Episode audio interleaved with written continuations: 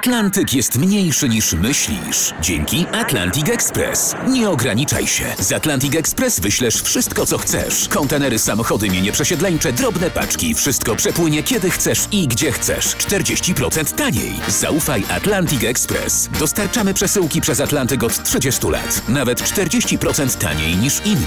Dzwoń 1 800 775 73 63. Ekspresowo przez Atlantyk. Tylko z Atlantic Express. Technika dla laika, czyli naukowe felietony profesora Ryszarda Tadeusiewicza w RMF Classic. Y, Przez całe wieki ludzie kochali muzykę, pragnęli muzyki, no ale żeby mieć muzykę, trzeba było e, mieć muzyków. Y, W pałacach i dworach królewskich czy książęcych były orkiestry. No, gdzieś tam w karczmach też grała zawsze jakaś kapela, no ale trzeba było pójść tam, gdzie byli ci grajkowie i dopiero wtedy można było się rozkoszować muzyką. Pierwszy pokaz urządzenia, które e, mogło rejestrować muzykę i nie tylko muzykę, również mowę, został wykonany dokładnie 29 listopada 1877 roku. E, W tym dniu e, Edison, Thomas Alva Edison, wybitny konstruktor, wynalazca, odkrywca amerykański, pokazał urządzenie, które nazwał fonografem. Fonograf to było urządzenie, które mechanicznie przenosiło dźwięk rejestrowany przez taką dużą tubę, to znaczy mówiło się do takiego e, czegoś, co no, przypominało, nie wiem, żyrandol e, lampy na przykład.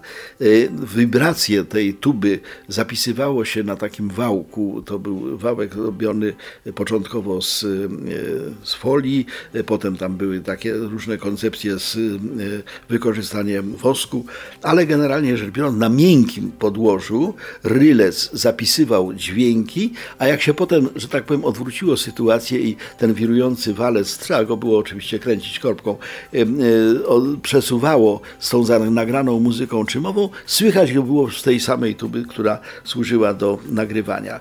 E, To była wtedy sensacja. Rzeczywiście po raz pierwszy e, zarejestrowano wtedy dźwięki, zarejestrowano różnego rodzaju przemówienia, między innymi Bismarcka na przykład mowy do tej pory są przechowywane właśnie na pomocą tych, tych wałków pochodzących z urządzenia Edisona, z tego fonografu.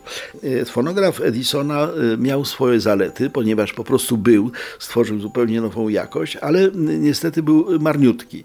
E, Po pierwsze, na jednym wałku było tylko do dwóch minut nagrania, zaledwie dwie minuty, wobec tego trzeba było te wałki tam sobie przekładać.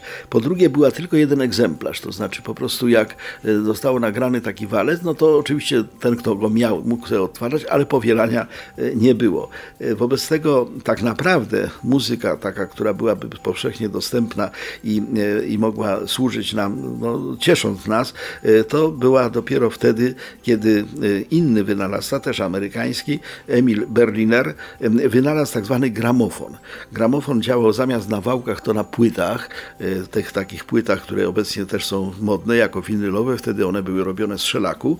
Uzyskał patent 8 listopada 1887 roku na e, właśnie nagrywanie i odtwarzanie dźwięku, przy czym płyty e, Emila Berlinera, płyty gramofonowe, można było powielać. Robiło się matrycę i można było dowolnie dużo tej muzyki wytworzyć. Tak zaczęła się po prostu muzyka z konserwy.